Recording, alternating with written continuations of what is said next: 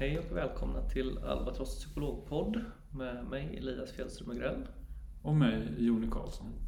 Ja, eh, idag så hade vi tänkt att vi skulle prata om ångest. Eh, vi var, kom in lite på det under, under förra poddavsnittet och bestämde väl då att vi skulle ja, att vi skulle ta oss an det eh, lite mer, lite mer omfattande och gå in lite mer på det. Mm. Eh, idag vad vi gjorde senast. Ja, precis. Det gjorde vi. Mm. Nu är vi så illa tvungna. Ja, ja men precis. Det var väl det vi konstaterade. Det Eh, gav oss ångest. Ja, Kanske. ja, ja men precis. Ehm, Förväntansångest. ja, precis. Lite nervösa skratt hör vi här i, från oss båda. Ja. Ja. Eh, ja, då är väl frågan hur vi, hur vi ska lägga upp det här idag. Eh, ja, Det kanske är bra att börja med någon form av uh, börja definiera vad ångest är. Men vi, nu glömmer jag också våra, våra stående inslag. Så här. Det kanske vi ska göra, uh, göra först. mm. Uh, eftersom det ändå ska vara en återkommande podd det här. Får man inte Mm. glömma bort rutinerna. Nej, det. Uh, så då frågar jag dig Jonny, vad har du läst sen senast? Eh, alltså ärligt talat så har jag inte hunnit läsa så mycket. Eller Jag har läst mycket nyheter och försökt sätta mig in lite i det här med Ukraina och Ryssland och så. Mm. Eh, Så det har väl tagit ganska mycket tid. Eh, Och så känner jag väl överlag att jag, har, att jag behöver en plan med mitt läsande. Eh, Jag gillar att läsa och ibland så, så, liksom, så har jag ett tydligt fokus och inriktning på, på vad jag läser. Eh, Så det går av sig självt. Men just nu så känner jag mig lite så att är liksom lite hipp, hipp som happ. Så ska Mm. nog börja arbeta fram en, en bokplan. Ja, Eh. just det. Så. Det lät ändå lite, lite ansträngt, eller vad man ska säga. Ja, Eller inte så, inte så fritt kanske. nej. Ja. Men jag känner att jag behöver det. Eh, Ja. Och eh, ja, sen får jag väl utvärdera sen hur ansträngt det är eller hur mycket det ger. Sen, Ja. Men jag vill ändå ge det en chans. Mm, det. Eh, Och meningsfullt kan ju trumfa det mesta. Ja, säga, apropå, jag läsning. Nej, men apropå läsning. Och att, Ja. att, det, att en plan ändå kan göra att man, att man läser sånt som är meningsfullt för en. ja, precis. Ja. Så det får, det får väl kanske bli två planer. Eller jag vet inte om det är ett som är mer inriktat på eh, mitt kliniska arbete då, Mm. som psykolog. Och ett mer som är mer privat. Och, eh, jag, får väl se, jag har inte bestämt mig. Men någon typ av läsplan. eh, Ja. Också för att testa då. Mm, Så just det. Så ja, vad, vad läser du för, för, för någonting just nu? Eh, Läs. Ja, jag är väl, har väl precis, precis börjat läsa en bok som jag inte, inte alls hunnit långt men som jag tänker att jag ska, ska ta mig an här nu, som heter Gränslära. Av Marcus Denker, Mm. en, eh, en svensk psykolog som har skrivit en, en boktrilogi som heter Psyk 22. Vad heter den? Psyk 22, Psyk 22 22. Ja. eh, tror jag. Mm. Ja. Det, det Ja. låter som, är det en avdelning då eller? eller vad, kommer det? Eh, jag vet faktiskt inte. Nej. Det är, han pratar nog utifrån liksom sina erfarenheter, både professionellt och privat tror jag. Och liksom har en ansats att, att kommentera eh, ja, men, samtida svenska psykiatrin. Eh, tror jag. Mm. Eller, och synen på psykisk ohälsa Ja, okej. eh, också. Mm. Vad intressant. Mm, ja, men jag, jag tror att det kan vara en väldigt intressant bok. Mm. Eh, eller boktrilogi. Mm. Eh, Gränslära, minneslära och ordningslära som tar upp olika, ja, tre olika perspektiv. Så. Alltså, är det om psykiatrin eller? Liksom, eller? Nej, inte direkt. Gränslära handlar alltså generellt om gränsproblematik tror jag och liksom individens gränser och familjens gränser och hur de Mm. hänger ihop. Det kan vara relevant ja, ibland. Ja, jag tror att han hade någon, alltså skrev någonting om den, att den, alltså att det fanns någon ambition om att delar av den i alla fall skulle kunna, kunna fungera som en liksom, ja, men rikta sig till föräldrar. Liksom Mm, i mm. hur man som förälder kan ja, man kanske kan få lite hjälp att tänka om gränser och vilka gränser ska man sätta för sina barn, vilka gränser sätter man inte och hur sätter man gränser och Mm. ja, sådär. Mm. Eh, Och hur, hur påverkas man som individ av det? Så, ja, Mm. men det verkar ändå det verkar spännande, tycker Mm. jag. Ja. Jag har inte, jag har knappt, knappt påbörjat det. Men, Mm. eh, men eh, ja. Kanske får anledning att prata mer om det, om det längre fram när jag har läst mer också. Mm. Men, eh, Gärna, jag pratar gärna om psykiatrin också. Det, mm, det är liksom relevant. och Det är, väl, det är liksom en svår, svår uppgift ska jag säga. Alltid. ja, Att organisera någon typ av psykiatri eller offentlig ja, verkligen. Verkligen. Och det är ju en, Ja, och det kanske är lite väl hårt men det känns som att det alltid pratas om att de som försöker göra det misslyckas. Ja. Eller, eller det, är ju, det är ju ofta många människor som mår väldigt dåligt Mm. och, och många människor som, som man har svårt att hjälpa via de institutionerna. ja, precis. Jag, jag tror faktiskt jag kommer läsa en bok om det eh, Mm. också. Eh, nu har jag inte det namnet här, men det handlar om eh, jag har inte det namnet här. Eh, men det, det handlar om en, en, en, en amerikansk eh, som, som har tagit fram DSM, eller, alltså den diagnosmanualen. Eh, En Mm. amerikansk professor inom psykiatri kanske då, eller psy- psykiater eller vad det är Mm. epidemiologi eller ja, som är ganska kritisk till det och hela att det inte fungerar, har inte fungerat med det systemet man har använt och Nej. fort, man har liksom inte löst det är inte så att det går framåt där riktigt på samma sätt som inom annan typ av sjukvård eller medicinsk forskning. Nej. Så det, det, det, det tänker jag verkligen att vi kan återkomma till. Ja, absolut. Mm. Ja, det låter som en... Jag tänker att det är en fråga som vi båda kan ha mycket åsikter om också, tankar kring. Säkert. Mm.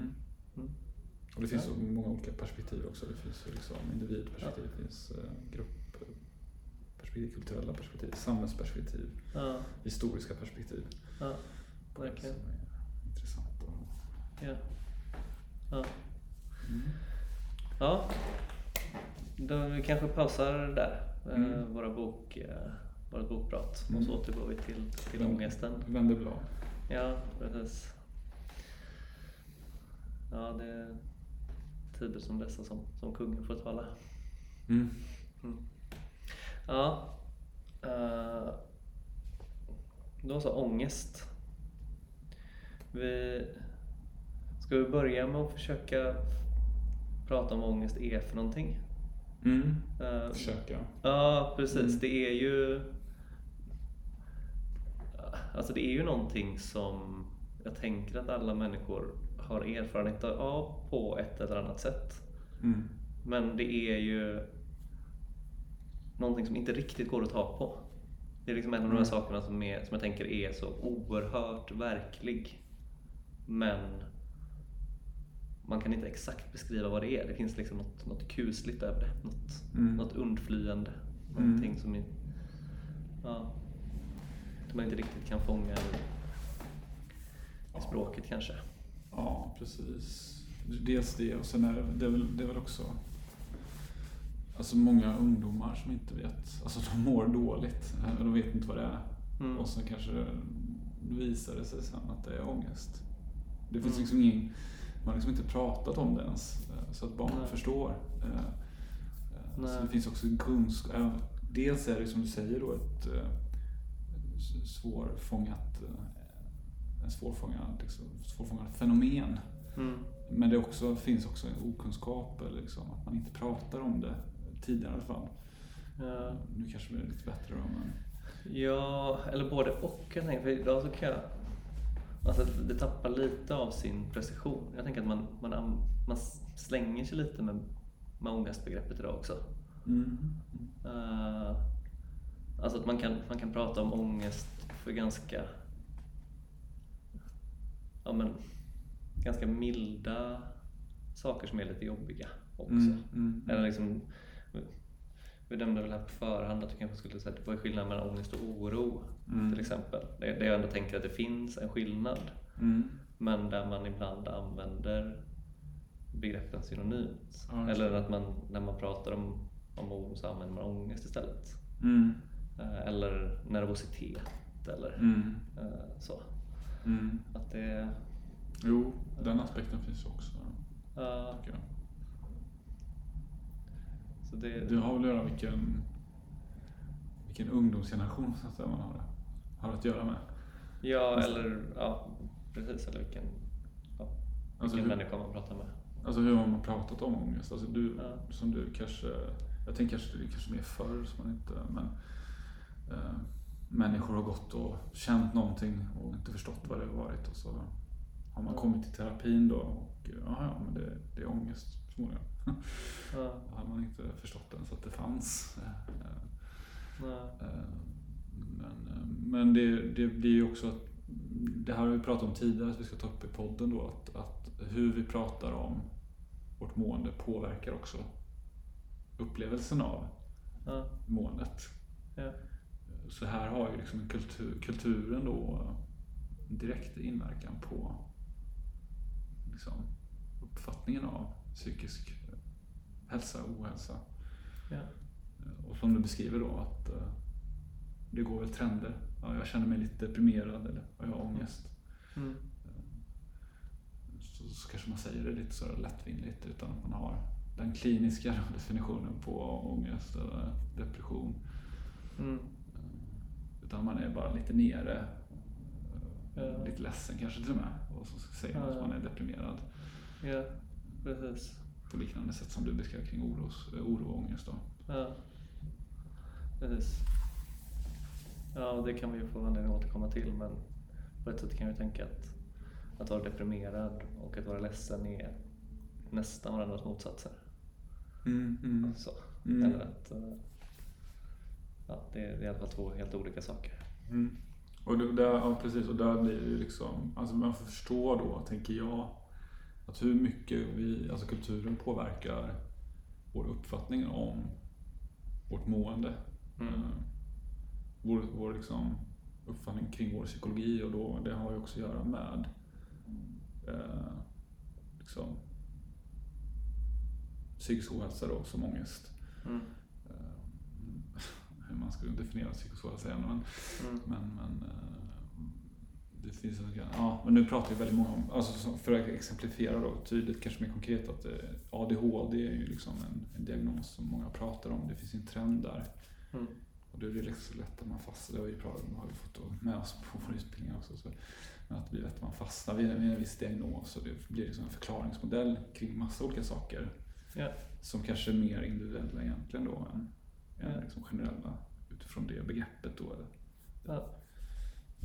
Ja, precis. Mm. Ja, och vad tänker vi då när vi tänker om ångest? Alltså vad är det? Ja. Vi, vi har ju tänkt att prata om det utifrån olika perspektiv. Ja, Eh, Du mer från psykoanalytiskt perspektiv ja, och jag mer utifrån ett kognitivt beteendeterapeutiskt eh, perspektiv. ja. Ska vi försöka göra det? Eller ska vi mer Ja. utgå ifrån vad vi själva tänker? Uh, nej men det, det blir, är väl bra. Eh, vi får väl... Vi kan väl prata om hur, utifrån hur vi själva tänker också men Mm. eh, ändå försöka åter, ändå knyta det till de olika perspektiven lite grann Mm. kanske. Mm. Uh, är bra. Mm. Om vi ändå har en ambition om att försöka ställa dem lite mot varandra eh, här. Ja, att prata, alltså att, hur de förhåller sig till varandra och sådär. ja, och det blir liksom en... Det relaterar till hur vi startar den här podden. Mm. Jag tänker också i samma då, här, eh, att man kan, eh, när man går i terapi då, eh, eller psykoterapi, eh, så har man de här olika temposformerna. Man har nutid, dåtid och framtid. Finns närvarande i terapin. Mm. Och det är liksom relaterat till, apropå med ångest utifrån ett psykodynamiskt perspektiv så är det ju mer dåtid kanske. Som man förhåller sig till. Medan utifrån ett KBT-perspektiv så är det kanske mer nutid. Mm. Ja, ja, men så är det kanske ja. Precis. Eh, det, eller åtminstone i den aspekten. Jag tänker att ångest är ju per definition alltid här och nu. Jag Mm. tänker att det, det är en av de sakerna som faktiskt ja, som alltid är sant, som alltid liksom är väldigt påtagligt, väldigt mycket här och nu. Mm. Men den, den psykodynamiska liksom, tanken eller ingången till det, den psykoanalytiska, handlar väl mer om att försöka förstå varifrån ångesten kommer och varför den, varför den dyker upp. Mm. Eh, så att det är det som är fokus i, i terapin. Alltså, ångest är en symptom på någonting. Mm. Eh, Den, den dyker inte upp av sig själv utan, utan det går att liksom förstå varför, varför den, den framträder och vilka, ja, vilka förgreningar som finns till, till en sån person och ens historia och, och så. Och, så. och i det, det finns ju väldigt mycket olika ångestteorier också. Mm. Inom psykodynamisk eller psykoanalytisk uh. teoribildning. Eller? Precis. Och man tänker nog alltså som, kring ångest som ett väldigt brett fenomen. Eller man, alltså det har olika det kan ha väldigt olika orsaker, det kan ha väldigt olika intensitet, väldigt olika styrka eh, och kopplat till eh, ja, allt ifrån inre liksom, konflikter, det kan vara eh, ja, men om man ska börja från början ja, nu är det kanske lite synd att jag inte, inte läste lite mer, uh, lite mer noggrant på innan här då. Uh, men om man, om man kopplar tillbaka till Freud då, så, så liksom en, ett av sätten som han pratar kring ångest i alla fall, åtminstone så som jag har, har förstått det hela, är att han behöver inte gå in på, på detalj kring hans liksom, teoribildning och så, men lite lite övergripande så har han, en av hans teorier är att han tänker människan som liksom utifrån en topografisk modell. Man, han pratar om liksom inre, inre drifter och impulser eh, som är omedvetna och liksom ganska, ganska primitiva. Vi har en... Typ, eh, eller ska du exemplifiera? För, Nej, typ, fråga. jag är hungrig eller liksom mat. Alltså, ge mig en bakelse liksom. Det, är så här, det finns ingen... Det är bara ett sug efter någonting och ge mig det liksom. Det, det, det är den Ja. driften typ. Ja. Den driver åt det. Ja, Precis. Mat, sex, aggression. Typ. ja just det. Eh, så. Eller libido. Och, och, och Thanatos. Livsdrift och dödsdrift.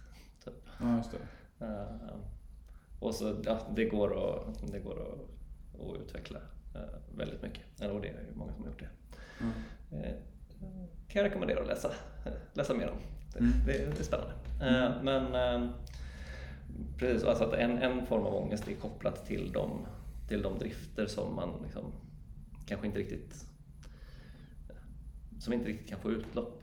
Mm. Det är, det är liksom mer någon, någon form av innertryck som av olika anledningar inte, inte kan få komma fram. Då, och det kan handla om eh, till exempel då att, att det inte är socialt accepterat eller att det är, Mm, eh, är någonting man själv, själv hindrar av olika anledningar. Mm. Eh, han, han pratar om någon form av, av så här, objektsångest som är mer kopplat till en medveten upplevelse av något, något objekt som är farligt. Ja, just det. Nu, nu pratar du om utifrån den här typografiska ja, modellen. precis. Och då är det på en annan nivå än drift. Ja, men det, det är väl mer kopplat till medvetna jaget då, Ja, just det, man jaget. säga. Så det är, tre- det är tre olika nivåer. Ja. Det du pratade om tidigare är på Ja. omedveten nivå. Ja, D1. precis. Det här är mer på... på det, det, fin, det går inte direkt att tänka medvetet och omedvetet som, som det jaget, överjaget. Nej, Men, men, men bara för att förenkla så kan vi göra det. Ja, det. Eh, Eh, Det är, tre, det är två olika modeller han har kring, kring Eh, svårt, att, svårt att gå in och, och prata snabbt och, och kort om det här. Men, men någon form av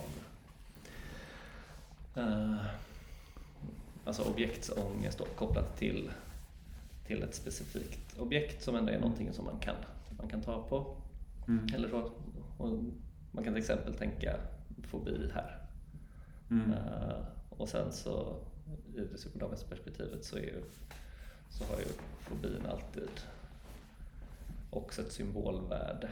Eh, eller ofta i alla fall. Det finns en skillnad på ångest och rädsla. Liksom. Mm. Eh, och sen så pratar han väl om någon form av moralisk ångest också som är mer kopplat till liksom någon form av så här, samvetsinstans över jag benämner han det som. Mm, det. Eh, mer kopplat till, till skuld eller att man ja, man liksom inte följer sina, sina ideal eller så som man vill vara eller så som man tänker att andra vill att man ska vara eller så. Mm. Eh, och det, det, det kan ju vara ett sätt att försöka förstå, förstå ångest beroende på Mm. Just det. eh, ja, Mm. Så det är, tre, det är tre olika nivåer av ångest, eller liksom ångest kommer till uttryck på tre olika nivåer i, i, i psyket då. Alltså på på alltså, driftsnivå, på objektsnivå och på moralisk nivå, kan man säga så? på samvetsnivå. Jag vet inte. Det, det som jag framför allt ville försöka säga här tror jag Ja. är att, att ångest inte är, är ett fenomen som har en orsak. Utan, alltså, det finns väldigt många olika sätt att se på ångest. Ja, och att ångest kan ha väldigt många liksom, ursprung. Mm.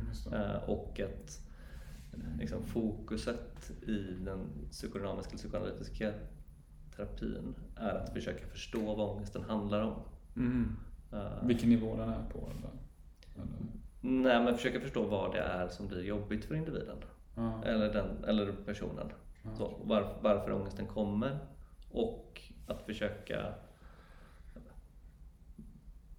ja, försöka prata om det och liksom Mm, hitta, mm. hitta mening i det Mm. och förståelse för det. Mm. Eh, och på så sätt också kunna, kunna liksom ja, minska ångest kanske. Mm. Lättare kunna hantera det, kunna förstå vad, som, vad det är som ger en ångest och inte Mm. eh, gör det väldigt mycket lättare att hantera livet. Får jag bara, jag bara undra en sak? Ja. Eh, Det här med driftsångesten då. Mm. Alltså att driften inte då får det den vill ha. Mm. Eh, Det låter lite som frustration mina öron. Den blir frustr- man blir frustrerad liksom. Ja, Är det, ång- eller, jag förstår vad du menar, det är skillnad där kanske. ja, precis. Det är skillnad på frustration och ångest ja. Ja. Eh, och jag tänker att ångesten kommer snarare när man, liksom, när man täpper till den frustrationen. Mhm. Att det, det handlar väl inte direkt om att inte få driftstillfredsställelse utan det handlar snarare om att inte erkänna sina drifter. Mhm. Så, så skulle jag nog tänka kring det. Mm, mm. Att man liksom försöker, försöker blockera dem. Ja, okej. Eh, så. Eh, och, alltså om man ska koppla det till något, mm, nästan lite mer modern psykodynamisk tanke då, Mm. så är det väl den, den, liksom drift, den frustrationen du pratar om då. Det kommer ju leda till någon form av känsla av kanske ilska Mm. eh, och aggression. Och Mm. att personen av olika anledningar kanske inte, inte tillåter sig att känna ilska. Eller att det liksom har varit någonting som har varit farligt för en. Att bli Mm. arg. Mm. Så i relation till, till nära eller kära eller så. Eller att det, det också väcker andra fantasier om att man kanske ska bli ensam eller övergiven eller vad det nu kan vara. Mm. Eh, och därför så tillåter man sig inte att, att bli arg. Och Mm. det, det är svårt för en, liksom den, den känslomässiga upplevelsen. Mm. Och då, då liksom blockerar man ut den Mm. eh, från sitt medvetande. Mm. Eh, och man, man, man försöker stänga av sina, sina ilskeimpulser. Mm. Men de försvinner inte bara för det. Utan då, liksom, då kanske de ändå ja, formar någon form av liksom inre tryck eller så som visar sig i form av ångest. Mm. Det skulle kunna vara ett, ett sätt att se Mm. ångest. Mm. Mm. Ja, det är intressant. Ja. Ja, som sagt, det är, det är inte helt eh, enkelt att snabbt förklara, tycker nej, jag. nej. Eh, Jag vet inte hur mycket ska, vi ska vara kvar i, i det psykoanalytiska perspektivet. Eller om, om- eller om du vill ta upp det här mer eh, psykodynamiska då, som, som utvecklats ur psykoanalysen. Eh, eller om jag ska gå in på det här med KBT. Nu. Ja, ja, men gå in, gå in lite på KBT och så kan vi väl Mm. få en diskussion efter det. Mm. Liksom lite hur, hur det hänger ihop eller vad som, vilka motsättningar som finns. Mm, Och, och så. mm, mm, mm. Ja. Ja, nej men alltså jag, jag skulle säga att jag arbetar både utifrån KBT och psykodynamisk terapi. Så, Ja. eh, eller teoribildning. Så det, det, men det går, att- det går att föra samman dem skulle jag säga. Mm. Eh, um, lite som vi pratade om förra gången då att eh, eh, det kanske är mer på generell nivå här när man eh, utgår från KBT kring hur man ser på ångest. Alltså vad säger forskning? Vad säger biologisk forskning? Vad säger evolutionär forskning? Mm. Vad säger liksom, ja, kognitiv? Eller när man forskar på KBT, vad får man fram för någonting? Ehm, Medan det psykonomiska är kanske mer, liksom, mer vad är människan? hur, hur lider människan? Hur mår människan? Alltså det, Mm. det är mer beskrivande på något sätt. Ehm, kanske. Mm. Mm, jag vet inte. Men eh, det jag brukar säga om ångest eh, så kan vara bra att veta för, ja, jag tänker också i, idag när det finns mycket och eh, kanske vara orolig eller rädd eller känna ångest inför. Eh, med tanke på situationen som är i Ukraina och, hot som, som kastas ut lite hipp som happ från, från Putin och sådär liksom, så, så kan det vara bra också att ha någon typ av eh, jag vet inte, basics i, i, i, i ångest. Eh, att förstå ångest och att kunna hantera ångest lite. Eh, så, eller oro då. Eh, men, men med det sagt så, så, så brukar man tänka då att lite som, kanske lite förenklat då att ångest det, det, det, det, är, en, det är en stress eller liksom det, det, det, det, det är en liksom centrala nervsystemet agerar på, på ett visst sätt. Så det är en fysiologisk respons på något eh, hot, yttre eller inre eller eh, fantasi, fantiserat, fantiserat hot eller liksom inbillat hot. Eh, men det är liksom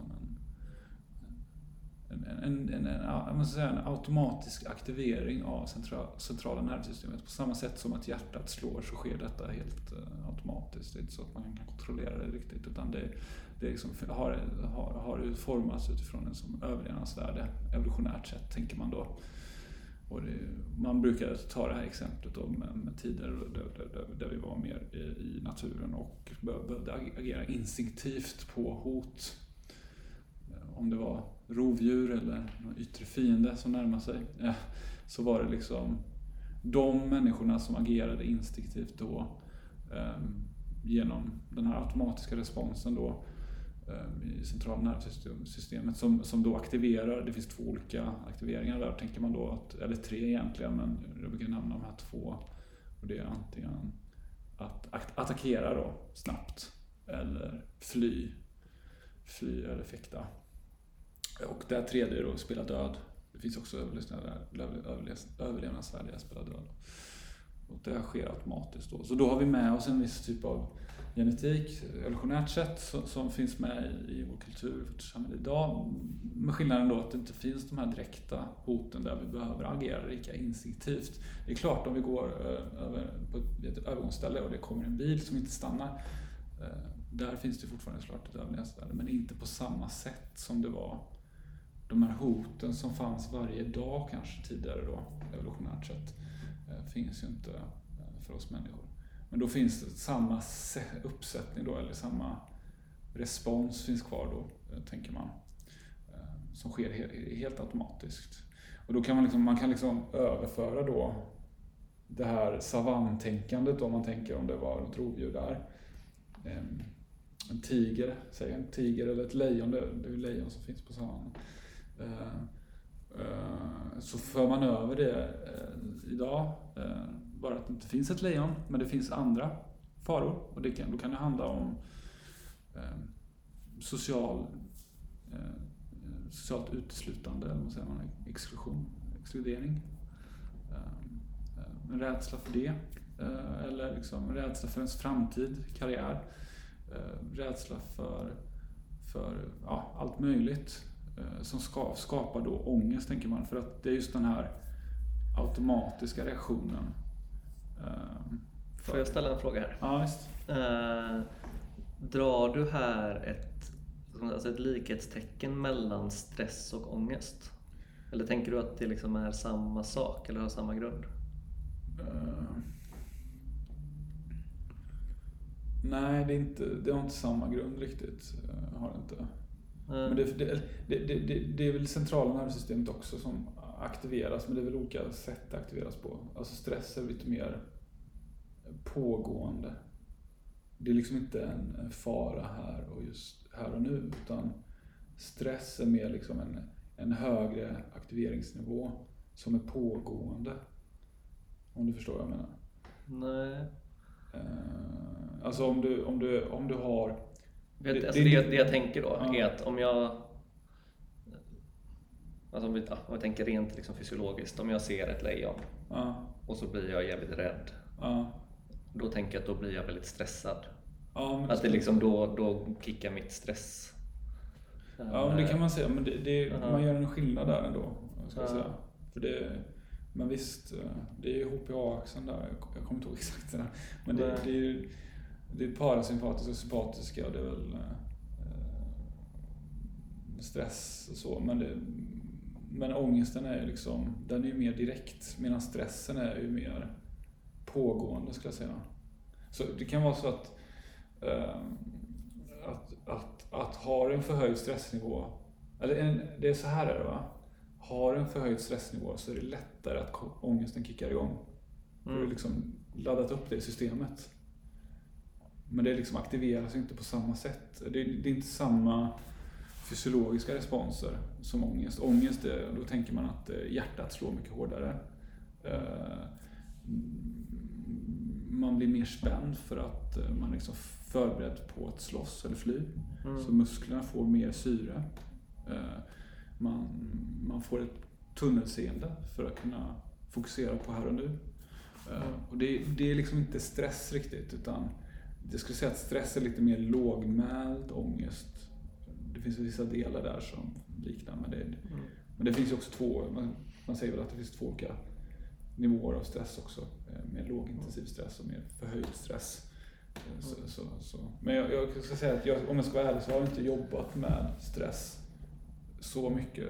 Eh, mm. Utan det är mer ångest framförallt. Just det. Ja, nej men och här eller det som du pratar om som ångest nu, mm. det skulle jag nog mer prata om som rädsla tror jag. Och jag tror att jag skulle göra en skillnad mellan de två. Mm. Uh, mellan liksom, uh, att ha ångest och att vara rädd för någonting. Mm. Att det är liksom en rädsloreaktion så, mot ett tydligt yttre hot. Mm. Jo, men det, det, det, det, var ju det förr då, men idag mm. finns ju inte det tydliga yttre hotet. Och det är då det blir ångest. Det, är när det, alltså det finns inget tydligt objekt här eh, som går att ta på kanske. Eh, och det, det, här, det här kan bli liksom problematiskt då om man börjar agera på en, en, en fantasi. Alltså det, det, är klart det är en rädsla kring någon, någon, någon liksom eh, uppfattning, alltså en föreställning om ett hot. Eh, men det, det, det, det, det är där det blir liksom ångest skulle jag säga. Att man, man föreställer lite för mycket så att säga. Att man, ens inbildningsförmåga eller fantasier skapar massa olika hot. Och så då inom KBT då, när man då agerar på själva beteendet. Man har en fantasi om, en föreställning om ett potentiellt hot.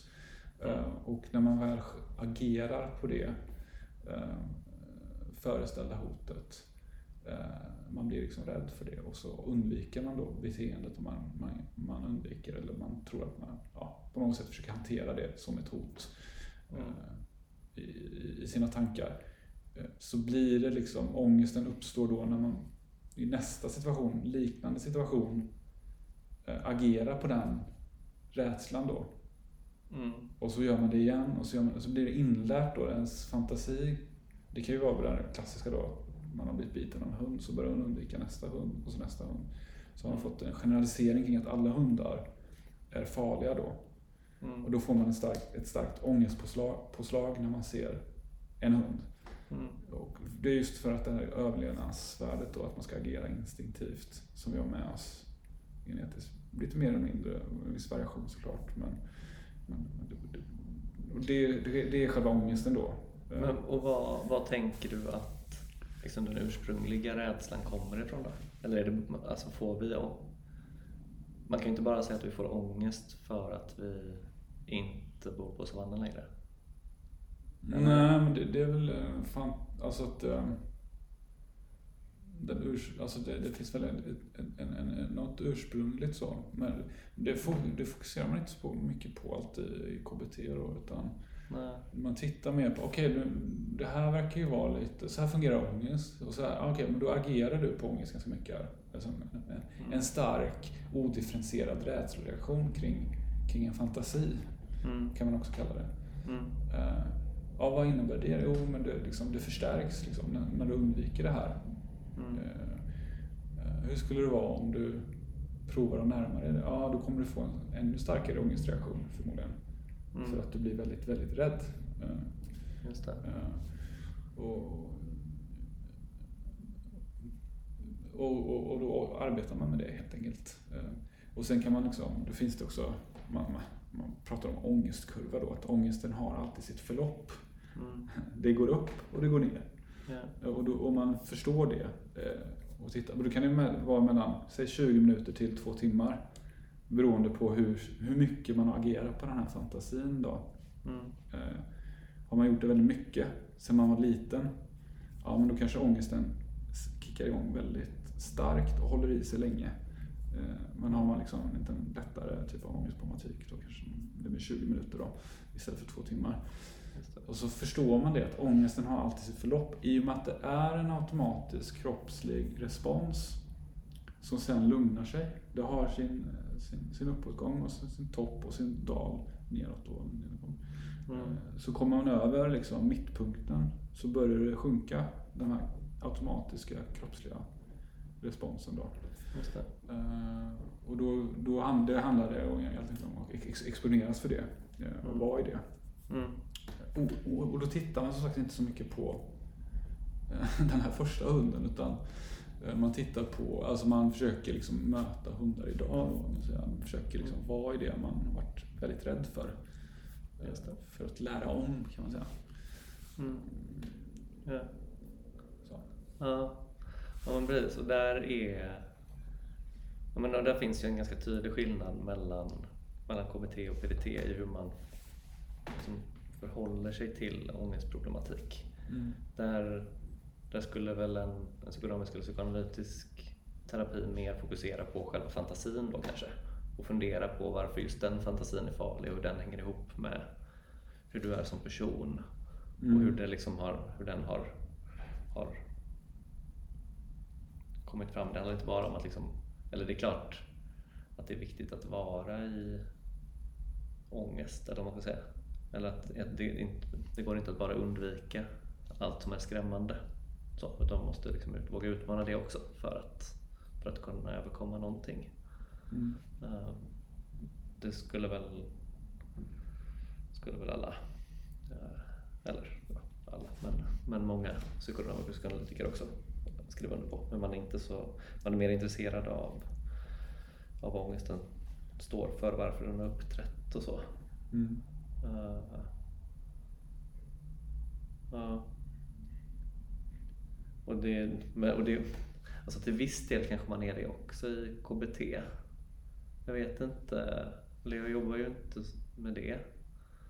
Men jag tänker att någonstans så kanske man ändå behöver kartlägga ångesten en del också, eller? Ja, eller alltså- man, Det, det, det, ångesten kan ju vara ett, ut- alltså nu vet inte, nu, jag, som sagt, jag, jag blandar ju teori, alltså metoderna lite men så här tänker jag i alla fall. mm, Eh, att ångesten kan ju vara, inte en förskjutning då, men ett, eh, ett, ett undvikande av något annat, som du var inne på, en känsla som är kopplad till en faktisk situation. Alltså känslor är ju kopplade till situationer. Jag blir arg egentligen. Jag blir inte arg hipp som happ.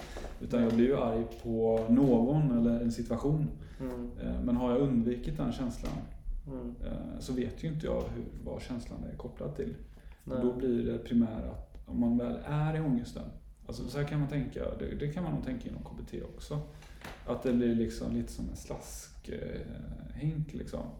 Det här att man får, en fobi liksom blir ett uttryck för massa olika rädslor eller känslor eller ja. Och så när man väl närmar sig, om jag, om jag väl exponeras för hunden och vågar vara kvar i ångesten, Mm.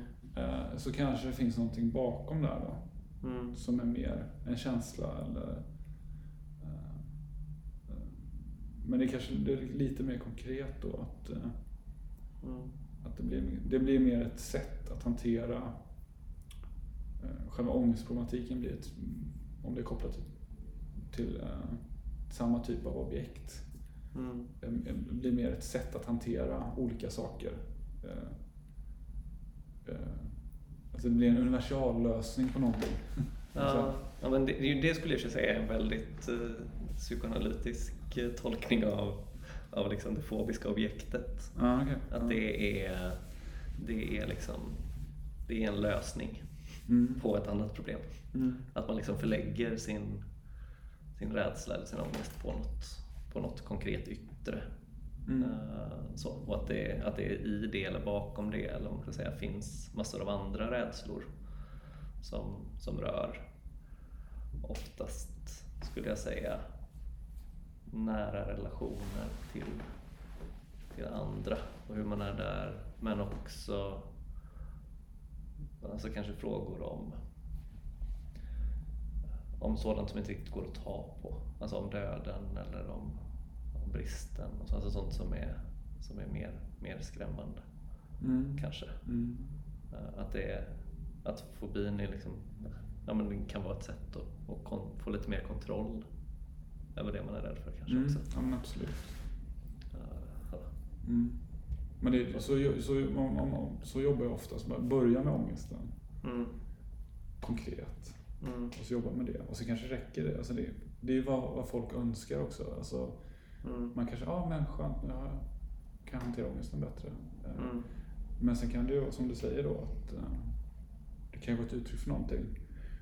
Och eh, då kan man ta det sen så att säga. Eh, Ja. Lite så brukar jag jobba. Mm. Och det, och det brukar, alltså min erfarenhet säger att det oftast finns saker där. Eh, Mm. Och då kan det ju komma in på det, alltså det finns ju flera olika typer av ångestdiagnoser kan man säga. Mm. Tvång är ju ändå en, OCD då, eh, Ja. är ju en typ av ångestproblematik. Eh, Där man hanterar ångest genom olika ritualer kan man säga. Mm. Eh, Och de här ritualerna, där finns det oftast liksom något sätt att eh, hantera tidigare svårigheter. Alltså få kontroll med sina ritualer kring Ja. situationer som man inte kan kontrollera egentligen. Ja. Ja. Ofta. Och man, har, har man hållit på med sina tvång då så Mm. kanske man, då har man liksom, minns man inte riktigt skulle jag säga. Nej. Vad, vad man inte hade kontroll kring tidigare då. Ja. Ja. Och genom att eh, minska med tvången, alltså att lära sig hantera att, att inte eh, hålla på med sina ritualer, Mm.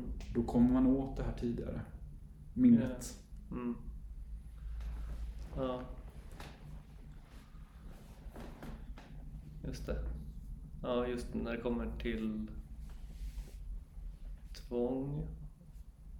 Där, eller just som du skriver nu, eller beskriver det nu, Mm. så tror jag att liksom den psykoanalytiska vägen dit är nog att börja med, eller att man liksom försöker luska bakåt, att man inte aktivt går in och hindrar tvånget då, som jag tänker att man gör i en Mm. KBT-behandling. Ja. Eh, Mm. att man liksom, då, då stoppar man upp med det som, alltså med, med det som ger kontrollen. Mm. Eh, och så ser man vad som, som dyker upp bakom på något sätt kanske. Mm. Eller liksom att man aktivt går in och hindrar det Mm. på det psykoanalytiska vägen kanske är att, att ja, men försöka förstå den här människan och liksom när man ja, när man liksom har kommit till en punkt där man börjar prata om det som är viktigt och det som kanske är orsaken. Mm. Och att man börjar närma sig och börjar förstå det. Då kommer tvången att, liksom, då kommer de att försvinna av sig själv. Eller, vad ska jag säga, eller minska, Mm. i, minska i betydelse och i styrka. Ja, just det. Mm. Eh, Så det är liksom lite eller så som du beskriver det i alla fall. Mm. Så är det ändå lite, lite samma tanke kanske. Mm. Men att det är olika tillvägagångssätt Mm. just kring det här specifika Mm. eh, fallet i alla fall. Ja, och så tror jag inom renodlad KBT så, så, så räcker det nog att man liksom lär sig hantera tvånget. Ja. Man går inte så in, mycket in på orsaker och så. Nej. För oftast om man går tillbaka till någon typ av ursprunglig situation Mm. så finns det oftast någon relation där. Ja. Eh, Som man behöver då eh, hantera då om man börjar minnas någonting kring det. Och det var Ja. något obehagligt och kontrollerbart. Ja. Då, då har man också ansvar för det, för sig själv. Mm. Eh, Och det är väl där mer renodlad KBT inte går in på det så ofta. eh, Som Nej. den mer klassiska KBT, om man får- kalla det det. Nej, just det. Ja, precis, utan då tänker man snarare att, att om man lyckas lära sig att hantera ångesten så kommer det att liksom få lite, vad säger man, överspridningseffekter eller att man, det kommer bli lättare och Ja, att det, det kanske kommer spridas över till på andra områden också, att man kommer få lättare att hantera andra situationer om man lätt att hantera en situation, eller? Ja, men lite som du sa, alltså, nu vänder vi blad, lite som kungen då Ja, gjorde med den här eh, ja just det. eh, ja, eh, historien. Ja, ja Då, Ja. går, då går vi vidare. Nu- just det. Mm. Ja, Så, precis. Och alltså ett allt för snävt sånt perspektiv tycker jag ju kan bli problematiskt. Eller jag har ju det får man ju alltid höra några så skräckexempel på. Det finns ju från alla, alla terapimetoder eller så. Men eh, till exempel ett exempel på, på en, eh, men en kvinna som, som hade panikångest och eh, som jag vet gick i, alltså, hade en, en KBT-terapi som bara var exponerande liksom mot ångestreaktioner.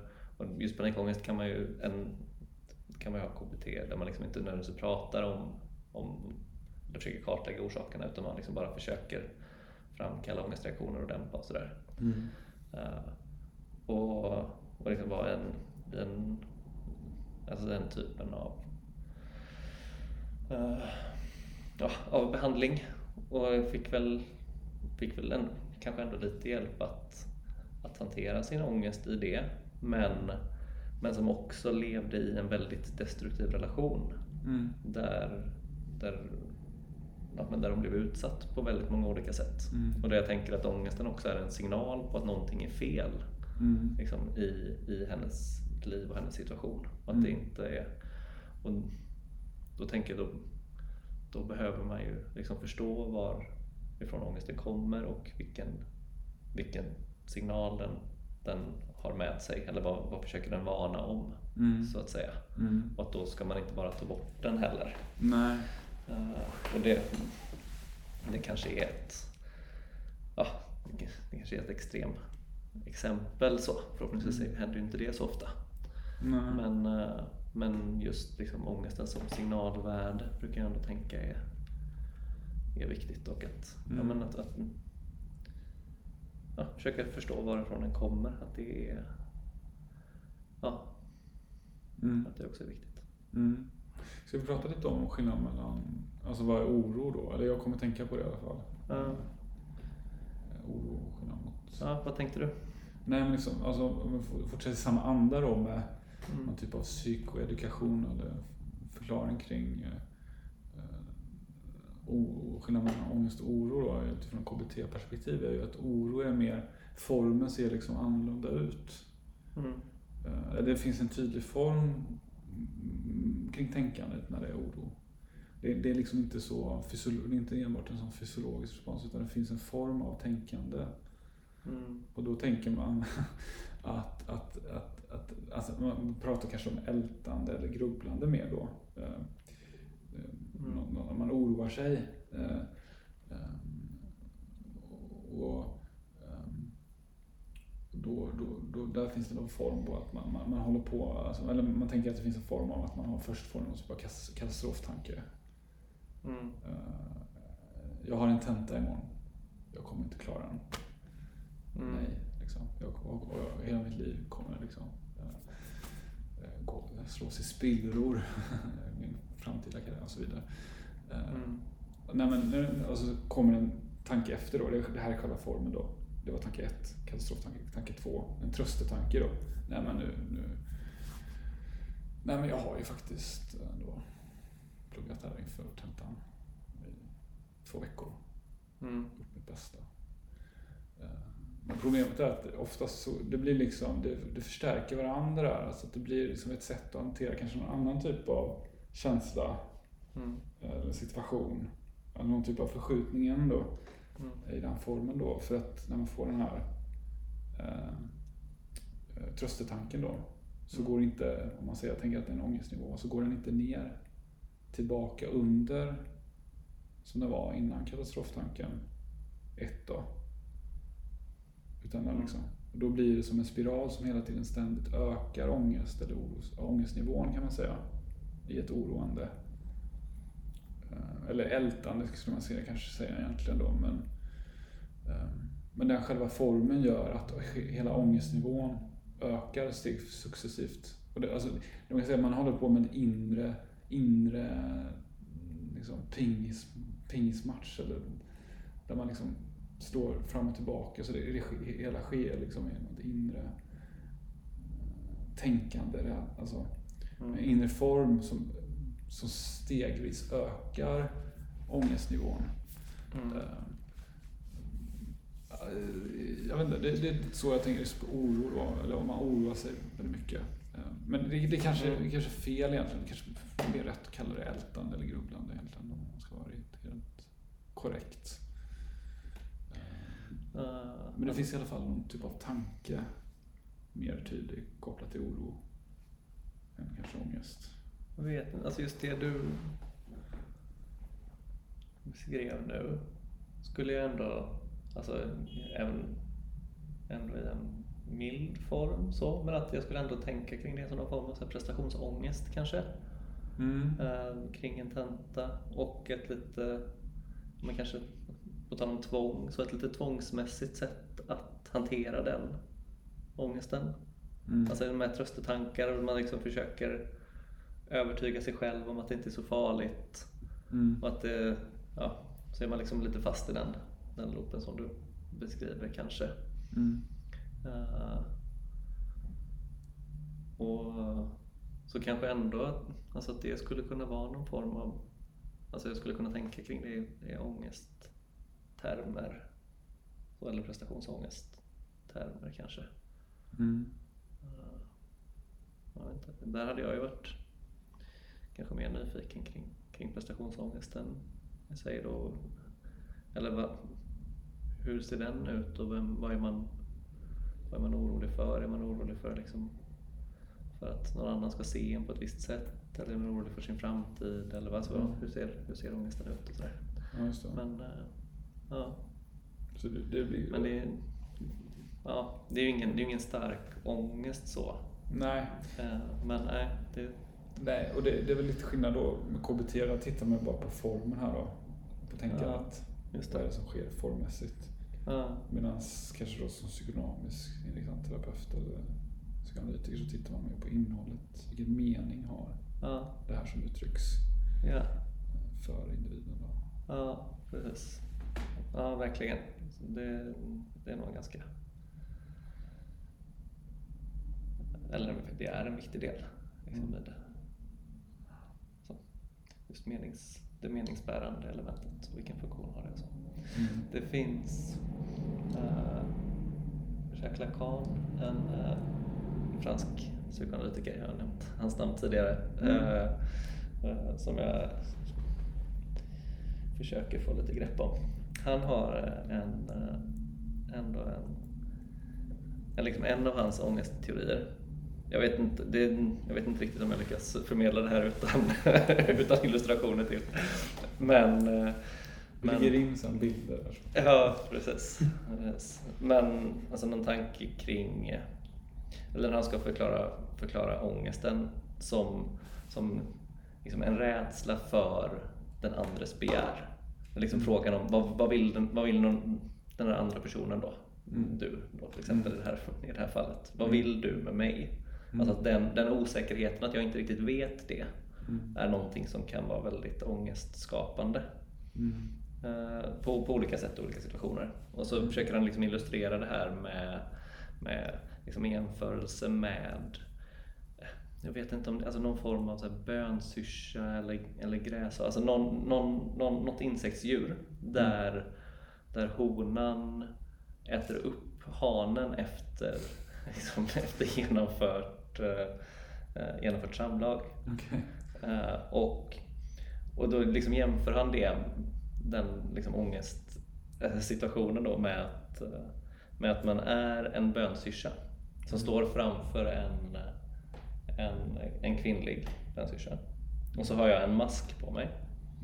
Eh, Men jag vet liksom inte vilken, vilken mask jag har. Mhm. Så jag vet liksom inte hur du ser på mig. Mhm. Alltså, i, i relation, din blick blir väldigt skrämmande för Mm. mig Mm. och hur du ser på mig. Mm. För jag vet inte om du ser du mig som en hona eller som en hane. Mhm. Eller liksom, vad vill du med mig? Mhm. Eh, att det är väldigt ångestskapande. För om jag har, har jag rätt mask på mig, det vill säga den kvinnliga masken i det här fallet då, Mm. så är det ingen fara. Men har jag den manliga masken på mig så kommer du att, att vilja ha sex med mig och äta upp mig. Eller, alltså, det, är- det är något väldigt, något väldigt Vad- skrämmande och kusligt. Ja, Och Vad, är det liksom? Alltså, hur, hur sym- symboliserar du det? Alltså, ät, ha sex och äta upp, vad innebär det? Liksom? Ja. Eller vad kan det Eh. innebära? Alltså, jag fattar att det är en metafor liksom, men... Ja, nej, men jag, jag tror att det är som... Jag tror att liksom huvudpoängen här Ja. eh, är snarare att, att det som är ångestframkallande och det som är läskigt är att jag inte vet vad du vill med mig. ja, just det. Jag har liksom ingen... Jag, och jag Mm. kan liksom aldrig riktigt veta det heller. Nej. För att Vet jag- jag, det ens? Liksom. Nej, nej men... Nej. Om man säger så. Ska man, ska, man, ska, nej, men ska man dra det långt så vet ju inte du heller det kanske. Nej. Och jag vet Eh. inte vad du vill med mig. Nej, nej men precis. Och det är, ju- det är en potentiellt väldigt ångestskapande, ångestskapande situation liksom, Ja. som man behöver försvara sig på olika sätt mot. Kanske. Ja, just det. Eh, Och det, Det är också- olika skrämmande för olika människor och så. Men Ja. att det, är, det är ändå ett sätt att se på, på ångest. Ja, eh, som, som kanske inte är applicerbart i alla, i alla situationer. Men ändå i en del. Och, och jag tror att alltså, i relation till det exemplet att, att ångest ofta kommer alltså som ett svar på, på en osäkerhet i relation till andra människor i alla fall, eller andras krav på Mm. en, eller att man inte riktigt Ja. vet vad som förväntas. Ja. Att det är en ganska social... Jag, jag, jag, jag tänker att det är ett extremt eh, konkret exempel på social ångest. Mm. Eh, det, du beskriver, alltså det Lacan beskriver då. Mm. Eh, Eller man kan liksom verkligen jämföra med det. Mm. det jag tänker liksom på ja, so, alltså, exempel på det. Social, social fobi eller socialt ångestsyndrom som det heter. Mm. Eh, Just den rädslan för hur andra ser på mig eller vad andra förväntar sig. Eller Ja. hur jag uttrycker mig. Ja. Men det här med ja, äta upp är kanske, jag vet inte. Ja, Sen tänker jag att det, det finns en eh, spelteoretisk aspekt av det också. Eh, Alltså, det handlar ju också om vad du tror jag är. Alltså, det handlar inte om vad, bara vad jag tror, eller du tror att jag tror att du är. Utan det handlar ju också om vad du tror att jag tror att du tror att jag är. Ehm, Fast i det här fallet Ja. så är det snarare ovissheten Mhm. som ger ångesten. Mm. Att jag inte vet. Mm. Det handlar inte om vad jag tror eller inte tror. så. Utan det handlar liksom just om, om att Alltså det okontrollerbara i att jag inte vet vilken mask jag har på mig. Mm. Jo, men jag tänker också om, om, om du vet inte heller om jag är en hona eller hane.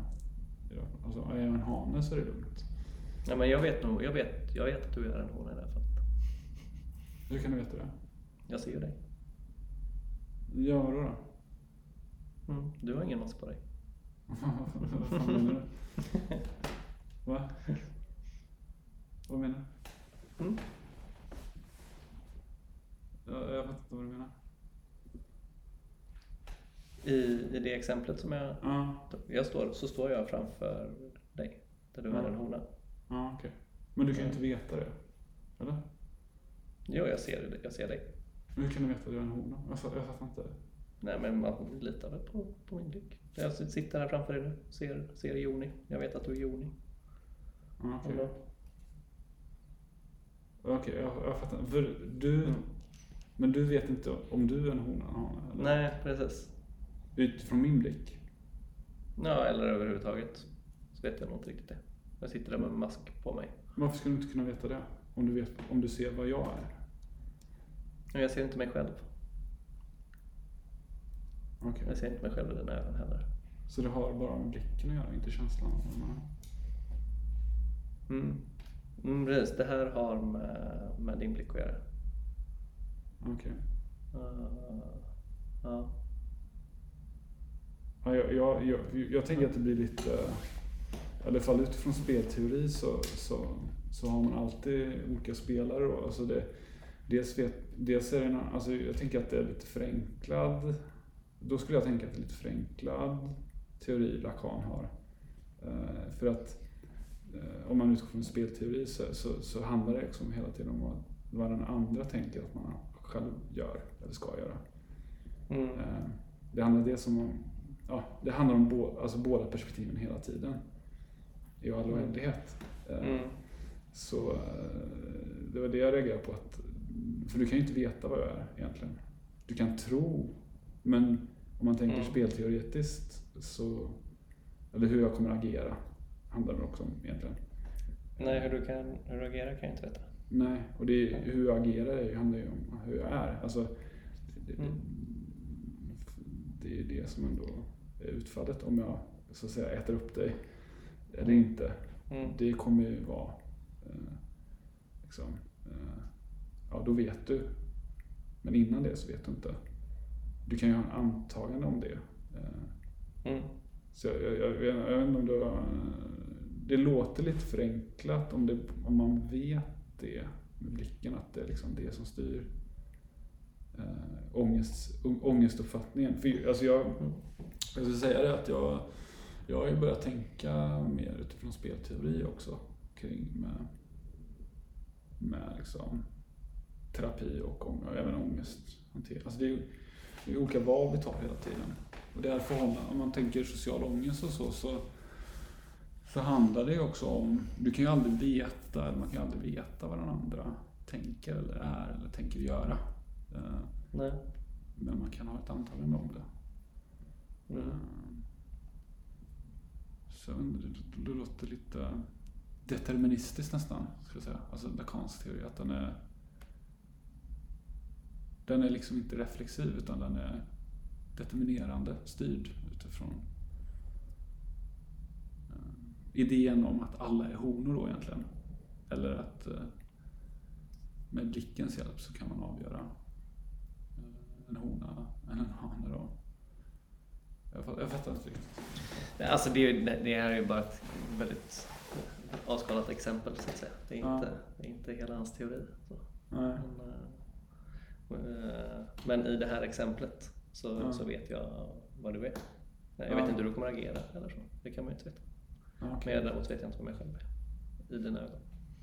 Ja, jag, jag, jag, för jag tycker det blir också lite problematiskt när man tar, alltså, eh, som Lacan gör då, att han tar eh, ett, alltså vi är ju inte insekter alls. Nej. Eh, det, alltså det är ju olika analysnivåer som inte går att jämföra egentligen. Nej, alltså just det här är ju en, en metafor. Att försöka liksom förklara någonting mänskligt genom någonting annat. Så. Eller bilden av, Jo. en annan situation. Som är fiktiv. Jo, det tror jag. Men jag tycker att det kan vara väldigt farligt att göra det för att vi är inte... Alltså det... eh, det kan, alltså ap- apropå det jag pratade om innan då att... eh, att, att hur man pratar om psykisk sjukdom eller ohälsa liksom, som om ADHD också påverkar hur vi upplever oss själva. Mm.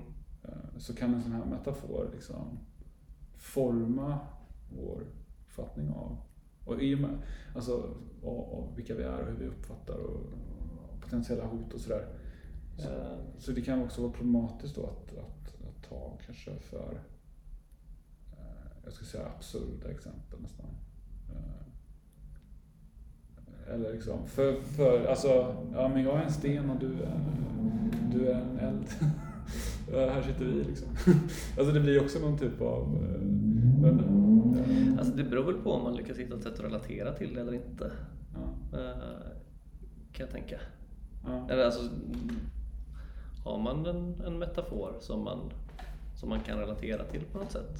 mm, Då tänker jag att då kan den vara meningsfull mm, och säga någonting. Och då kan det vara hjälpsamt att det är någonting som är långt borta från en själv. Så att man, eller så här, man vet ju att man- jag vet att det inte är en sten.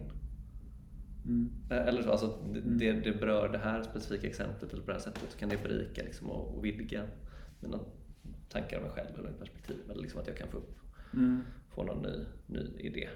mm, Eh, jag tänker risken med, men om man tar diagnoser som exempel, är väl att de blir för allförklarande. Liksom. Eh, att man tänker att man, liksom, att man är den diagnosen och så definierar man sig definierar man allting annat också utifrån den diagnosen. Eller, liksom, eller förklarar olika reaktioner man har.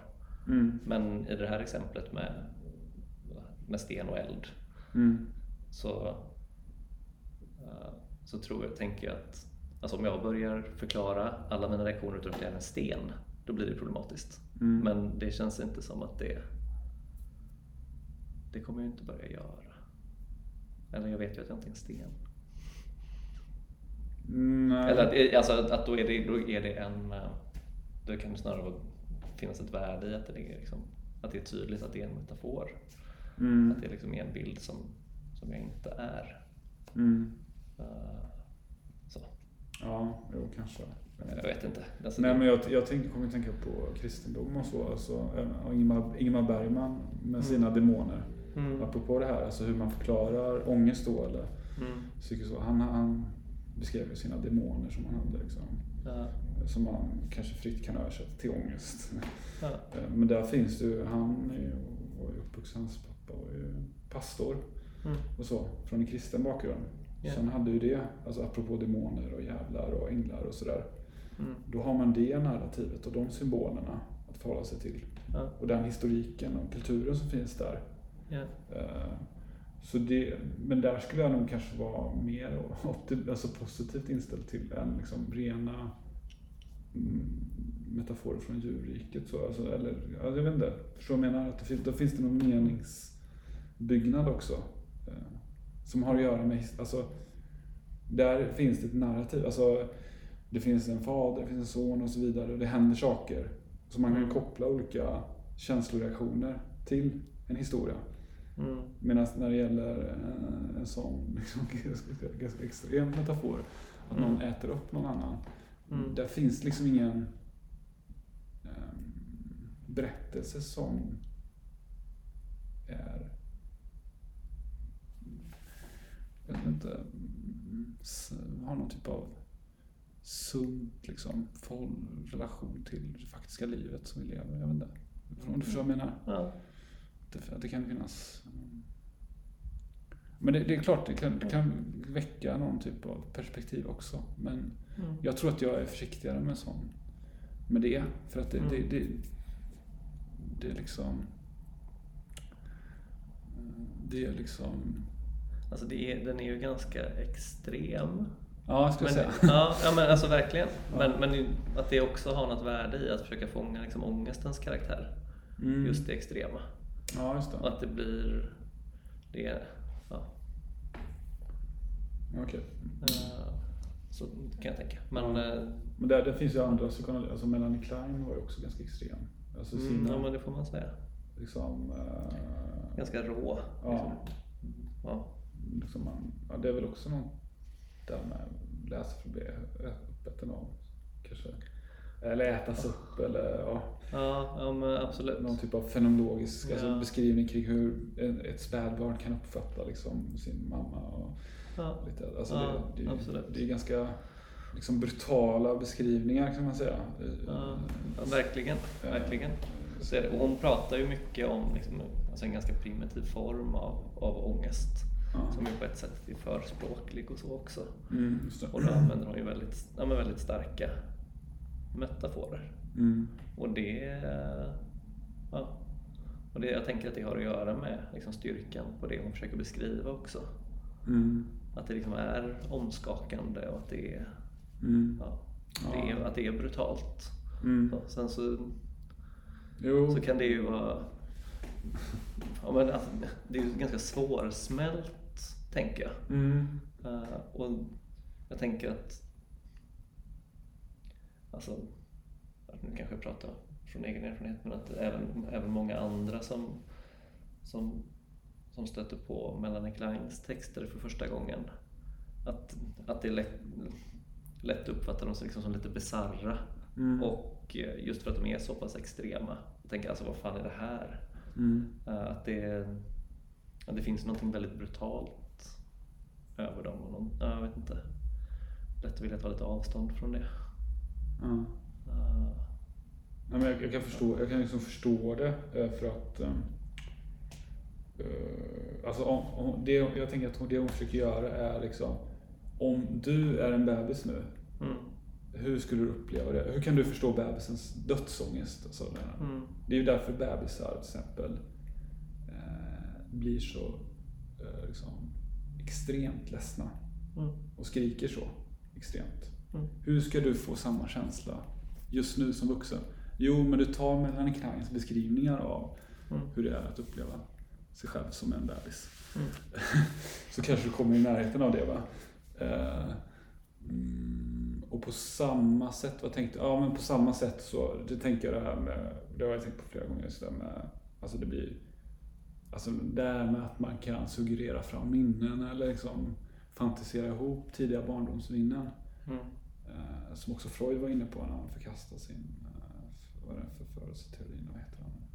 mm, Eh, Skitsam, eh, ursäkta språket. Men eh, alltså att, att det själva kanske, det är svårt att gå fram till själva upplevelser, hur vi upplevde det då för att vi är ju liksom, vi var ju inte barn idag men, men liksom det, det här som var med, med, med tidigt 90-tal med att många plötsligt hade blivit förgripna av sina föräldrar. mm, Det var också en sån här trend. mm, Apropå att skapa någonting också. För, för det var ju inte sant då i flera fall. Utan det var liksom, Mm. Men där kan man liksom, själva känslan av hur det var kanske var sann. mm, Att det fanns ett, någon har kränkt den. Liksom.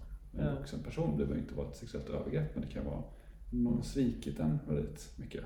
mm, Och så kan det här som är vuxen då, att man illustrerar den upplevelsen genom mm, en fantasi då. eh, mm, av ett övergrepp. Eh, För det är det som folk pratar om just nu. mm, Det skrivs en bok om detta eh, och den, alla pratar om det. Och ja, då börjar jag känna igen mig där. eh, mm, Och fantisera fram. Alltså vi... eh, Jag vet inte vad jag ska säga om det men... eh, Apropå med Melanie Klein kanske och... eh, Nej men på något sätt att försöka formulera någonting som inte går att formulera egentligen.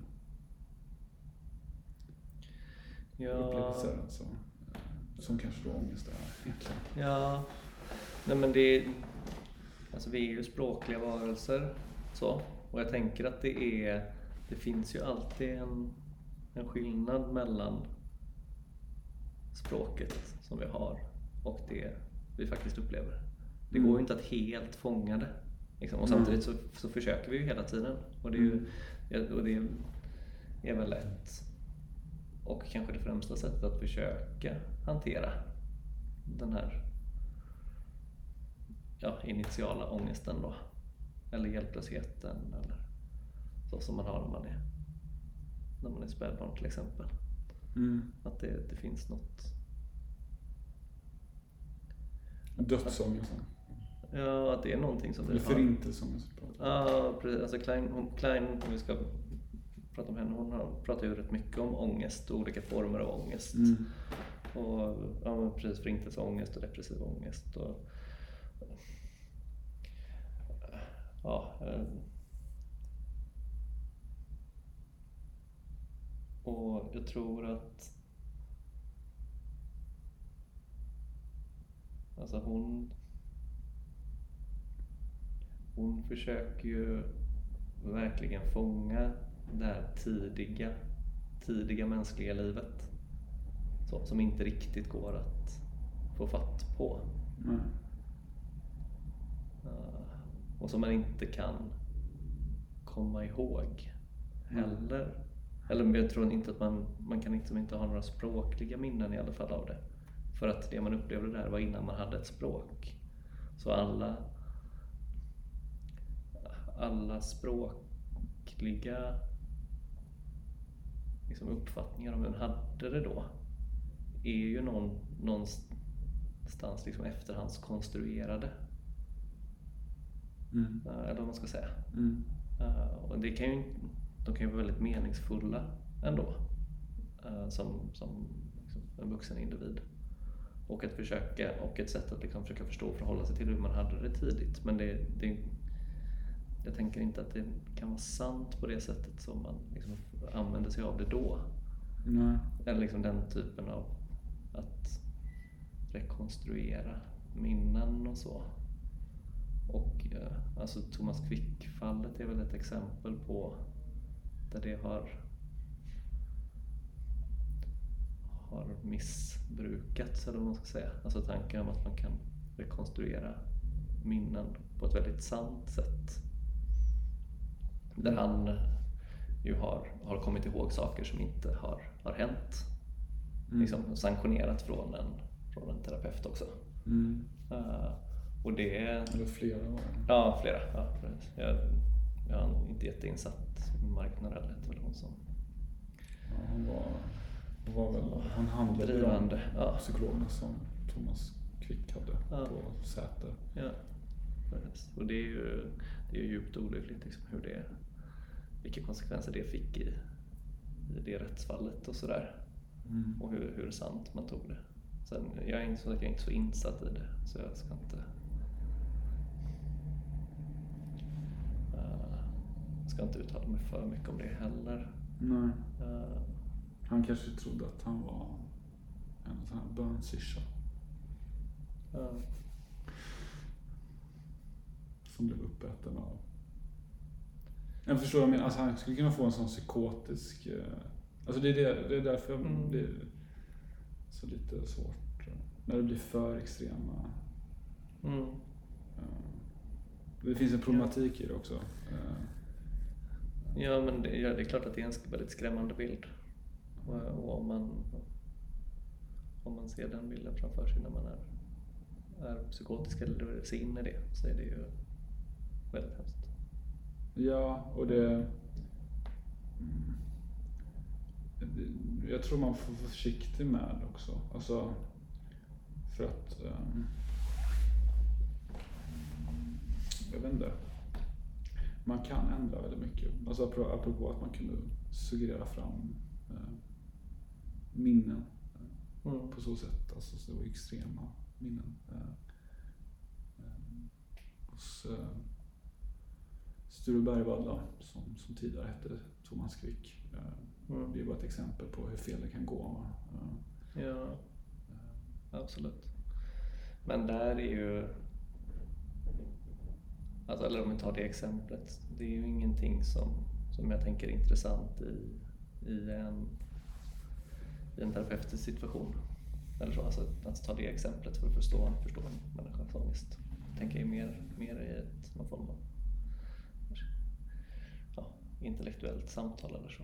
Men för att förstå den enskilda människans ångest så behöver man ju prata om den, den personens liv. Så.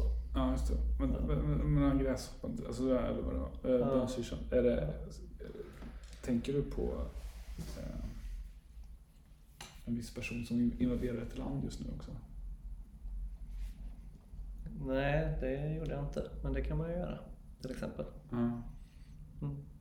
Eller det att stå inför, inför ett yttre hot. Mm. Eller så. Det kan ju vara väldigt ångestframkallande. Mm. På ett väldigt, väldigt reellt sätt ju. Mm. Ja, jag har inte sagt så mycket om om det då. Nej. Eh, Jag vet inte om man ska göra det heller. På ett sätt är det ju, är det ju en väldigt, väldigt närvarande situation. Eh, Som jag tänker att, ja men som är väldigt skrämmande för många. Mm. Med rätta Mm. också.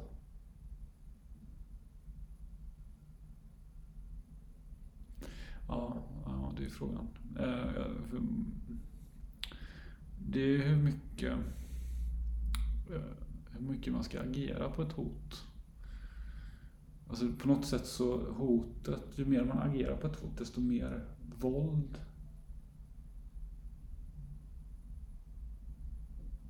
skapar hotet mot en själv. Alltså Mm. det kan vara problematiskt va? att agera för mycket på ett hot. Absolut. Och det är också problematiskt att inte agera alls Mm. mot ett hot. Mm. Eh, Så. Mm. Eller att det finns något som är viktigt i att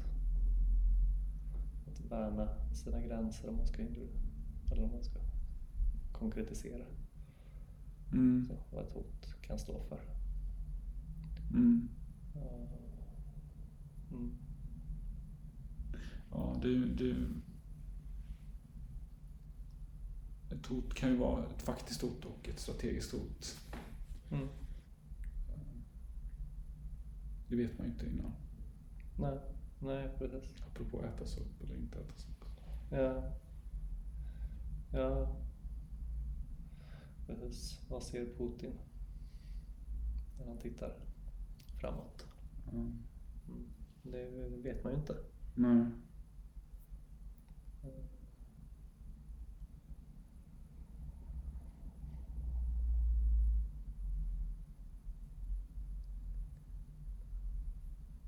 Nej, det finns ju någonting i, eh, alltså i den, den situationen som är nu där jag tänker att många som, som lyssnar, alltså de flesta skulle väl ändå skriva under på att man liksom vill undvika undvika krig liksom och, och aggressioner i den, i den mån det går.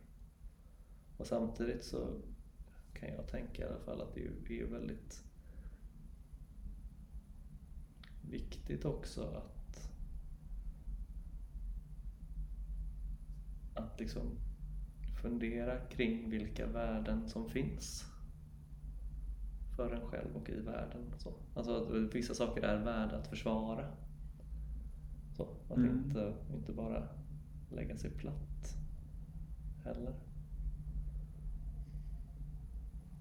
Ja, så vill man vara. Alltså det, det är väl hur man... Ja, jo absolut, så är det. Mm. Men det är ju en, eh, ja, en på många sätt väldigt skrämmande situation som är. Mm. Eh, Och, eh, Ja, det är ja, och någonting helt, katastrofal. Liksom. ja, det är något helt nytt vi går in i. Med liksom Ja, eller något gammalt. Putins agerande. Ja. Ja, precis vi trodde inte att Nej. liksom, vi trodde att vi var färdiga med det eh, Ja. sättet att agera på. Mm. Så ja. Ja, det där får man liksom. Men, men man, man måste förstå också. Det, det är väl det jag har sagt att ju mer man agerar på en rädsla, desto mer styrs tankarna på rädslan än.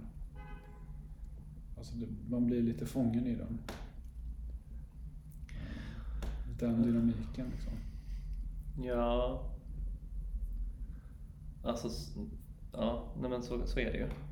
Eh, men om vi... Oh, jag vet inte. Om vi tar situationen i Ukraina. Mm. Ukraina, de som sitter i Kiev just nu, det är ju inte deras tan- tankar som fångar dem. Om vi säger så. Utan Nej. det är ju liksom att, Nej. eh, ja, I Kiev, ja. Ja, Absolut. en militärkonvoj. Ja. Liksom. Nej, jag tänker det Putin har sagt mot oss då i Sverige. Eller Ja. andra länder som hjälper ukrainarna eh, Ja. med olika sätt, på olika sätt. Ja. Där finns ju liksom ett hot uttryckt. Ja, ja, absolut, absolut. Och han menat att skrämma och Mm. pacificera. Liksom. Mm. Eh, och hur man ska förhålla sig till det. det jag, känner inte att jag är rätt person att svara på det heller. Nej. Men, Nej, Jag vill bara säga att det påverkar. Alltså apropå, agerar man på ett sånt hot ja, som inte går att ta på riktigt, men som Mm. uttrycks, så kommer Ja. det forma en mm, hur man upplever situationen, hur man tänker kring situationen, hur man känner kring situationen. mm, Det, är nog, sen får man liksom, det är ju ett intellektuellt eller liksom ett omdömesbeslut kring hur man ska göra, vad man tror blir bäst i längden. nej, Men jag tror att vi har sagt det, så vi, det, det, påverkar ja, vilken värld vi går in i. Apropå spelteori, vi har två olika val här. mm, Två olika Ja. världar som kommer, alltså sliding doors, eller man ska- sliding doors, man ska säga. mm. Ja, ja, men det är ju något viktigt att försöka försöka ta de beslut man tar, att inte basera dem på rädsla. Nej, Eh, absolut, precis. Eh, verkligen. Och det är ju lättare sagt än gjort. Mm. Eh, Men det... Ja. Det får man ju hoppas att de som, som styr och bestämmer klarar av i alla fall. Och Mm. många andra också. Mm. Ja. Ja, men... ja. Vi har pratat på rätt länge nu tror jag. Ja, det har vi. Eh, Herregud. ja. Det blev ett långt avsnitt. ja, precis. Det blev det. Eh, Har ni frågor eller tankar så får ni gärna mejla oss på podd.albatrosspsykologmottagning.se Ja, gör det. Kanske säger vi kanske bara på återhörande.